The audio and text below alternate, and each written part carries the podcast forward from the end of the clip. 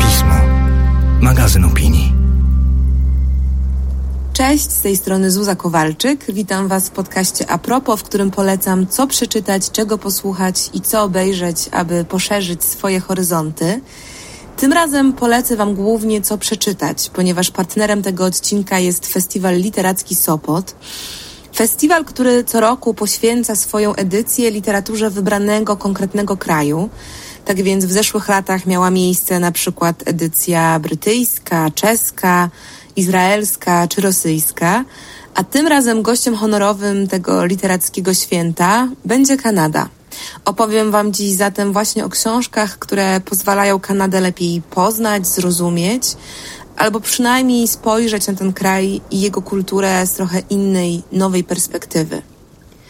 Kanadę, czyli kraj sprzeczności, który z polskiej perspektywy jest, mam wrażenie, jednocześnie bardzo znajomy i bardzo nieodkryty.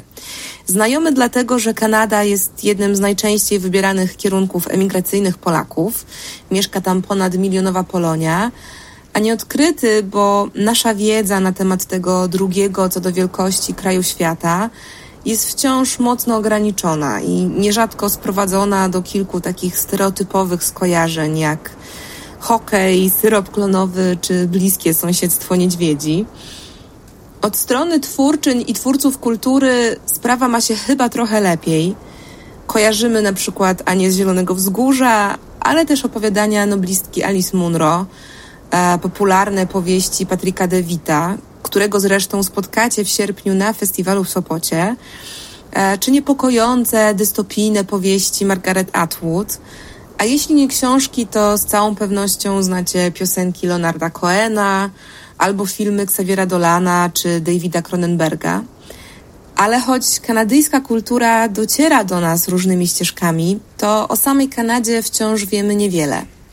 Dzieje się tak z pewnością dlatego, że patrząc w stronę Ameryki Północnej, języczkiem uwagi pozostają zazwyczaj Stany Zjednoczone, przy których Kanada wydaje się takim krajem niezwykle spokojnym i dostatnim, ze świetnie działającą polityką imigracyjną i równościową, powszechnym feminizmem, olbrzymią świadomością ekologiczną, porzuceniem polityki tożsamościowej, bo o Kanadzie mówi się dziś wręcz jako o pierwszym postnarodowym państwie, z przebogatą wielokulturowością, dziką przyrodą, e, w skrócie wszystkim tym, o czym marzą dziś zwolennicy liberalizmu i polityk socjalnych. Ale za tym przekonaniem, że Kanada to kraj opiekuńczy, równy i bezwzględnie tolerancyjny, chowa się wiele faktów obalających ten mit wspaniałości w tym duży kawałek brutalnej, kolonialnej historii tego kraju, który jest jedną z najgłębiej zaszytych wewnętrznych sprzeczności dotyczących tego państwa, a jednocześnie rzeczą bardzo silnie wpływającą na jego kształt również dzisiaj.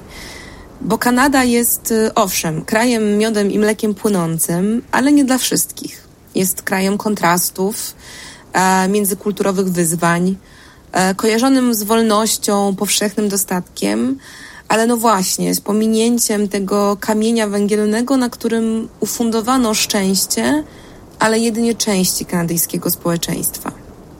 O tych e, wewnętrznych sprzecznościach Kanady pisze w swojej książce dziennikarka Gazety Wyborczej Katarzyna Wężyk. Kanada, ulubiony kraj świata, tak brzmi tytuł tej książki. E, książki, która stara się pokazać obie strony medalu. Z jednej strony mamy tu historię Justina Trudeau, premiera Kanady, który stał się na świecie, a zwłaszcza w Europie, swego rodzaju fantazją na temat liberalnego, otwartego, uwielbianego przez swoich wyborców polityka. E, takiego polityka, który idzie dumnie w marszach równości, jest dumny ze swojego feminizmu, E, głosi hasła pełne empatii, solidarności i szacunku. Ale jednocześnie w samej Kanadzie Trudeau jest postrzegany bardzo różnie. E, do tego stopnia różnie, że planowane na jesieni wybory może przegrać z ugrupowaniem konserwatywnym. O Trudeau polecam Wam zresztą tekst, który publikowaliśmy w piśmie w kwietniu 2018 roku. E, świetny, chwytający te wszystkie niejednoznaczności i cienie portret autorstwa Joanny Gierak-Onoszko, e, do której jeszcze w tym podcaście wrócę. Niemniej sam Trudeau, od którego historii Wężyk zaczyna swoją opowieść o Kanadzie, jest doskonałym symbolem czy też uosobieniem tego, czym jest sama Kanada. Czyli na zewnątrz robiącym doskonałe pierwsze wrażenie z takim północno-hollywoodzkim uśmiechem, a w rzeczywistości dość nieoczywistą historią, e, pełną również swoich cieni. Książka Wężyk, której narracja prowadzona jest przez pryzmat e, poznanych przez autorkę podczas podróży przez Kanadę ludzi, w ciekawy sposób pokazuje te sprzeczności, czyli z jednej strony gościnność, powszechna tolerancja, multikulturalizm, otwartość, a z drugiej na przykład problemy imigrantów ze znalezieniem pracy, albo w biedniejszych częściach kraju powszechne problemy z alkoholizmem, samobójstwami i narkomanią. E, I tak właściwie można by dwubiegunowo opisywać Kanadę do końca. Z jednej strony feminizm, z drugiej nierówności w zarobkach między płciami. Z jednej strony dbałość o środowisko i ogromna świadomość ekologiczna, z drugiej wydobywanie piasków bitumicznych, e, które generuje ogromne ilości dwutlenku węgla i olbrzymie zużycie wody. E, czy też, jak pisała w tekście Świat oddycha skrzelami, u nas w piśmie Kamila Kielar, tekście, który również bardzo polecam tym, którzy jeszcze nie czytali, e, zaniedbana kwestia hodowli łososi, wycinka lasów naturalnych, niedostateczne chronienie przyrody i linii brzegowej itd.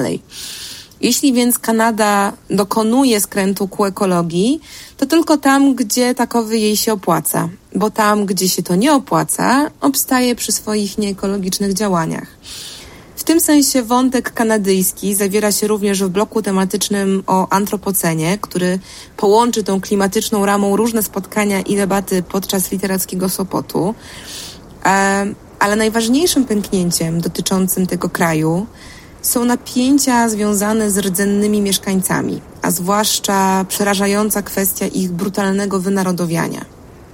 I o ile Wężyk puentuje swoją książkę takim stwierdzeniem, że choć Kanada może i jest drugim najlepszym krajem na Ziemi, to coraz trudniej jest skazać ten pierwszy, o tyle książka, o której chcę teraz opowiedzieć, e, trochę to optymistyczne myślenie odwraca.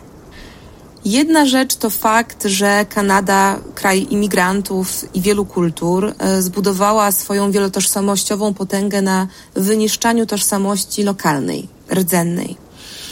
Ale druga to proces dosłownego wyniszczania rdzennych mieszkańców, takiej istnej eugeniki czy nawet ludobójstwa, e, poprzez odbieranie im dzieci i zamykanie w szkołach z internatem, e, które to miejsca ze szkołami miały w zasadzie niewiele wspólnego bo nie chodziło w nich wcale od podszewki o edukację, ale o brutalne, dosłowne wyrwanie tych dzieci z ich korzeni. W tych miejscach, które najczęściej prowadził Kościół katolicki, ale bywały też takie świeckie, w cudzysłowie, szkoły, dzieci miały być katechizowane i siłą przetransferowywane na nowych kanadyjskich obywateli, a przy okazji dosłownie łamane nierzadko nawet zabijane. Niewyobrażalna krzywda i przemoc, która zakończyła się stosunkowo niedawno, bo w latach 90. i wciąż pozostaje w Kanadzie bardzo trudnym i nieprzepracowanym w pełni tematem. O tym e, haniebnym procederze polecam Wam rewelacyjny reportaż Joanny Gierak-Onoszko, tej samej, której portret Trudeau w piśmie Wam już poleciłam. E, którą możecie kojarzyć z tekstów dla tygodnika Polityka, a także prowadzonego na stronie Polityki bloga tej autorki o Kanadzie właśnie. E, Giera Konoszko będzie zresztą w tym roku gościnią literackiego Sopotu. Weźmie udział w debacie zatytułowanej Pierwsze narody Kanady. A książka, o której mówię, nosi tytuł 27 śmierci Tobiego Obeda i polecam Wam ją z całych sił, bo jest to wstrząsająca, ale rewelacyjna literatura. Autorka opisuje w niej poruszające historie tak zwanych ocaleńców, e, czyli właśnie dzieci rdzennych mieszkańców Kanady, które tymże mieszkańcom odbierano siłą i zamykano w szkołach z internatem, w których e, stosowano wobec nich niewyobrażalną przemoc. Od celowego zakażania ich chorobami, przez bicie, molestowanie, głodzenie. E, takim dzieciom zmieniano imię, zakazywano używać rodowitego języka, zakazywano praktykować ich religię. Nadawano im numer i dosłownie łamano charakter. Warto dodać, że były to dzieci w wieku przedszkolnym, e, czyli bardzo młode, wychowywane z dala od rodziców, w ogromnej przemocy i potwornych warunkach. E, więc nie będzie chyba szczególnym zaskoczeniem to, że dzieci te, które następnie już w dorosłym życiu, o ile oczywiście ocalały, rodziły własne dzieci, są najlepszym obrazem tego, jak przemoc rodzi przemoc i jak przebiega ta międzypokoleniowa sztafeta traumy. To znaczy, jak dzieci, które nigdy nie doznały nie tylko miłości, ale nawet y, odpowiedniej uwagi ze strony państwa. Państwa, które albo latami przymykało oczy na te potworne rzeczy, które się działy za zamkniętymi murami szkół, albo niedostatecznie pilnowało panujących tam warunków, e, dziś nie potrafią dobrze żyć. I między innymi stąd w tej z pozoru idealnej, otwartej i opiekuńczej Kanadzie jest dziś tyle samobójstw, mm, ale również tak duży problem z używkami, z biedą. Historia Kanady i to nie tylko ta sięgająca wstecz y, półtora wieku, bo Kanada obchodziła niedawno 150-lecie, ale również ta współczesna, y, to obok tej wielkiej tolerancji historia właśnie wielkiego wykluczenia, tak naprawdę brutalnego rasizmu.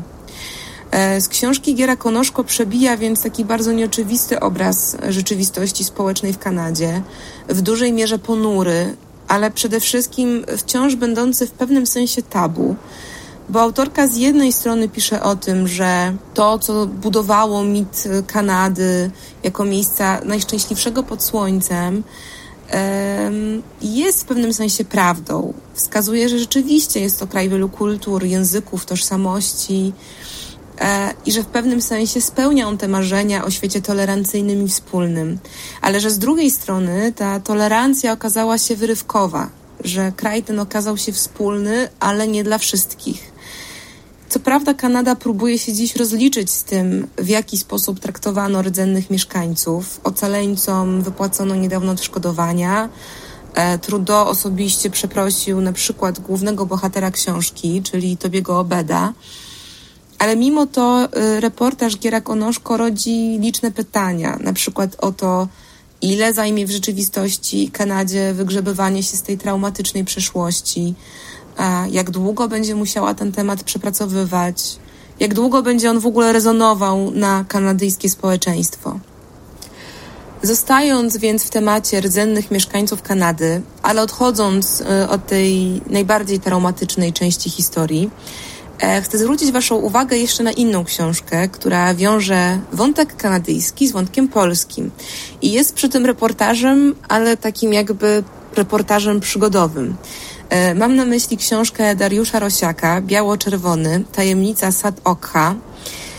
Jest to opowieść o tak zwanym polskim Indianinie, a właściwie jego niezwykłej historii, pełnej tajemnic i zwrotów akcji, e, w tym licznych przekłamań i zwodzenia. Sad Ok, co podobno oznacza długie pióro, a właściwie Stanisław Supłatowicz, był podobno synem indyjskiego wodza kanadyjskiego plemienia Szewanezów. Jego matka była Polką yy, i tak według samego Sat Okha, Sat Ok, będąc małym chłopcem, przyjechał jako dziecko do Polski z Kanady. Yy, to wtrącenie, że według samego Sat Okha jest tu zresztą kluczowe. A jeśli chcecie się przekonać czemu, sięgnijcie po reportaż Rosiaka. Niemniej biografia tego niezwykłego człowieka mogłaby posłużyć za krótką syntezę dwudziestowiecznej polskiej historii. E, był żołnierzem AK, który wcześniej uciekł z transportu do Auschwitz, później został marynarzem e, i autorem poczytnych książek o swojej indyjskiej przeszłości. I właściwie na tej indyjskiej przeszłości zbudował e, swoją późniejszą karierę, która uczyniła z niego w szarym PRL-u barwnego bohatera młodzieży. Mogłabym tak długo meandrować, ale dość powiedzieć, że ta historia Polaka w Pióropuszu, łączącego dziki, odległy, rdzenny świat Kanady i polski Radom, jest naprawdę warta poznania. Choć Rosiak e, demitologizuje w gruncie rzeczy swojego bohatera, mm, to ja dostrzegam w tej historii coś bardzo właśnie mitycznego, coś, co w bardzo nieoczywisty sposób e, tłumaczy um, szeroko rozumiany stosunek Polaków do Kanady. To znaczy, że ona nadal jest w naszych wyobrażeniach jakimś takim odległym, dzikim lądem, a przez tę odległość i dzikość czymś egzotycznym, barwnym i nieoczywistym. I myślę, że to wszystko, co przebija z historii Supłatowicza, czyli ten potencjał Kanady do stawania się, no właśnie, mitem, jest w tym sensie nadal aktualne. Ale szukając tych rzeczy, które nam Kanadę przybliżają, jakoś nam się kojarząc, będąc swego rodzaju klasykiem z tego dalekiego kontynentu i tej wielotożsamościowej kultury, e, którą zresztą w tej różnorodności trudno objąć i być może przez to jest właśnie tak obca, e, zwłaszcza nam, Polakom. No ale szukając tych postaci, bez wątpienia mogłabym wskazać na marszala McLuhana, autora słynnego stwierdzenia, że medium jest przekazem, na którym to stwierdzeniu zresztą ten filozof i teoretyk komunikacji oparł swoje liczne rozważania, e, w tym swoje rozważania o globalnej wiosce, e, stając się tym samym de facto prekursorem teorii komunikacji cyfrowej. Dla mnie skojarzenie z naukowcami z Kanady prowadziło odruchowo do McLuhana, bo choć nie żyje on od 40 lat, to do dziś uważa się go za jednego z największych i najważniejszych teoretyków masowej komunikacji. Nie dziwne więc, że w edycji kanadyjskiej festiwalu Literacki Sopot będzie miała miejsce debata na temat y, zderzenia teorii McLuhana z algorytmami, a zatem rozmowa o cyfrowych mediach, y, zmianie języka mediów i nowych technologiach przekazu – i wszystkie te wątki doskonale obrazują jednocześnie sposób nauczania w Kanadzie, który jest nastawiony przede wszystkim na umiejętność krytycznego myślenia, niezbędnego do tak ustawionej perspektywy namysłu nad rzeczywistością. I w tym kontekście, tym, których y, nie przestraszy lektura bardziej naukowa, y, polecam super ciekawe opracowanie Ewy Wasilewskiej-Kamińskiej, Myślenie krytyczne jako cel kształcenia na przykładzie systemów edukacyjnych USA i Kanady. Jest to super ciekawa lektura, zwłaszcza dzisiaj, e, gdy stopień manipulacji w mediach sięgnął już e, dalekiego zenitu, a kompetencje krytycznego myślenia wydają się wreszcie absolutnie niezbędne e, do odnalezienia się w tej niejednoznacznej cyfrowej rzeczywistości. Polska szkoła ma jednak z nauką krytycznego myślenia wciąż duży problem, e, na który książka Ewy Wasilewskiej-Kamińskiej w pewnym stopniu odpowiada. Autorka przede wszystkim tłumaczy, czym jest e, i na czym polega ta kompetencja, ale też pokazuje, jak wpływa ona w ogóle na poznawanie i odbieranie przekazów e, i zastanawia się, dlaczego jej trzon powstał właśnie w Ameryce Północnej. Pokazuje różne metodologie nauczania krytycznego myślenia, ale też e, stojące za nim przekonanie, że mm, wraz z podniesieniem tych kompetencji poznawczych e, może uda się wreszcie zreformować w ogóle edukację. I choć e, no, nie da się ukryć, że jest to książka spełniająca wszelkie wyobrażenia o pracy naukowej, zatem z pewnością nie będzie dla każdego, to temat krytycznego myślenia w kontekście kanadyjskim, ale też w ogóle współczesnym, światowym, E, wydaje mi się na tyle istotny i ciekawy, że mimo typowo akademickiego dyskursu bardzo Wam tę książkę polecam. Zwłaszcza, że mam wrażenie, że niemal każdy trudny temat puentujemy w Polsce ostatnimi laty świętym hasłem kluczem edukacja. Edukacja jako odpowiedź na wszelkie bolączki, jako nadrzędny środek zmiany, jako remedium na wszelkie parszywe społeczne postawy. No ale jeśli rzeczywiście w to wierzymy, a więc, że edukacja może stać się środkiem zmiany i to y, jedynej naprawdę całościowej i skutecznej, a ja przyznaję, trochę w to wierzę, y, to książka Wasilewskiej-Kamińskiej powinna wejść do y, obowiązkowego kanonu lektur dla pedagogów i wszystkich tych, którzy jakkolwiek za edukację odpowiadają. I w tym sensie możemy się od Kanady uczyć e, no nie tylko różnorodności i otwartości na inne kultury, chociaż tego też, ale też właśnie nauczania krytycznego myślenia. E, no nie sposób też e, uniknąć myśli o powiązaniu tych dwóch kwestii, to znaczy tego, że krytyczne myślenie wywodzi się właśnie z kraju wielotożsamościowego, wielojęzykowego, otwartego, liberalnego.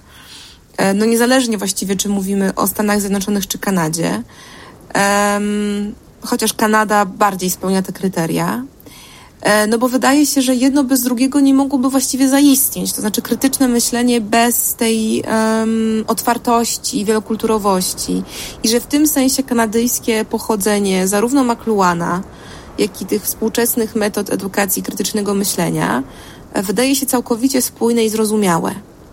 A na koniec, e, skoro mowa o znanych myślicielkach i myślicielach z Kanady, którzy praktykują krytyczne myślenie, przekuwając je w działanie, e, to nie mogłabym nie wspomnieć, co o matko robię już chyba w tym podcaście po raz drugi albo trzeci, o Naomi Klein, dziennikarce i aktywistce kanadyjskiego pochodzenia, e, której książki Wam polecałam e, w kontekście kapitalizmu, klimatu i politycznego wykorzystywania zmian. E, w poprzednich odcinkach omawiałam już książki Doktryna Szoku, jak współczesny kapitalizm wykorzystuje klęski żywiołowe i kryzysy społeczne oraz To zmienia wszystko, kapitalizm kontra klimat.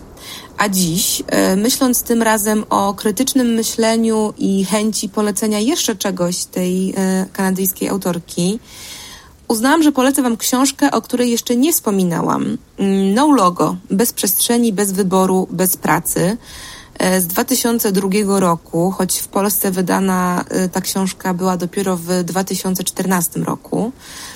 Chyba w ogóle jest to największy bestseller tej autorki na świecie. Książka ta jest nazywana Biblią alterglobalistów, e, czyli ruchu społeczno-politycznego, e, do którego myślę zaliczałby się swoją drogą również McLuhan ze swoją globalną wioską.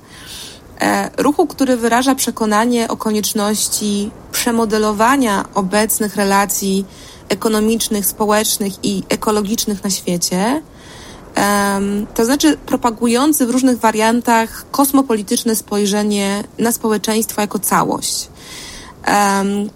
Całość, której dotyczą powiązane ze sobą problemy, y, które da się rozwiązać wyłącznie całościowo, wspólnotowo.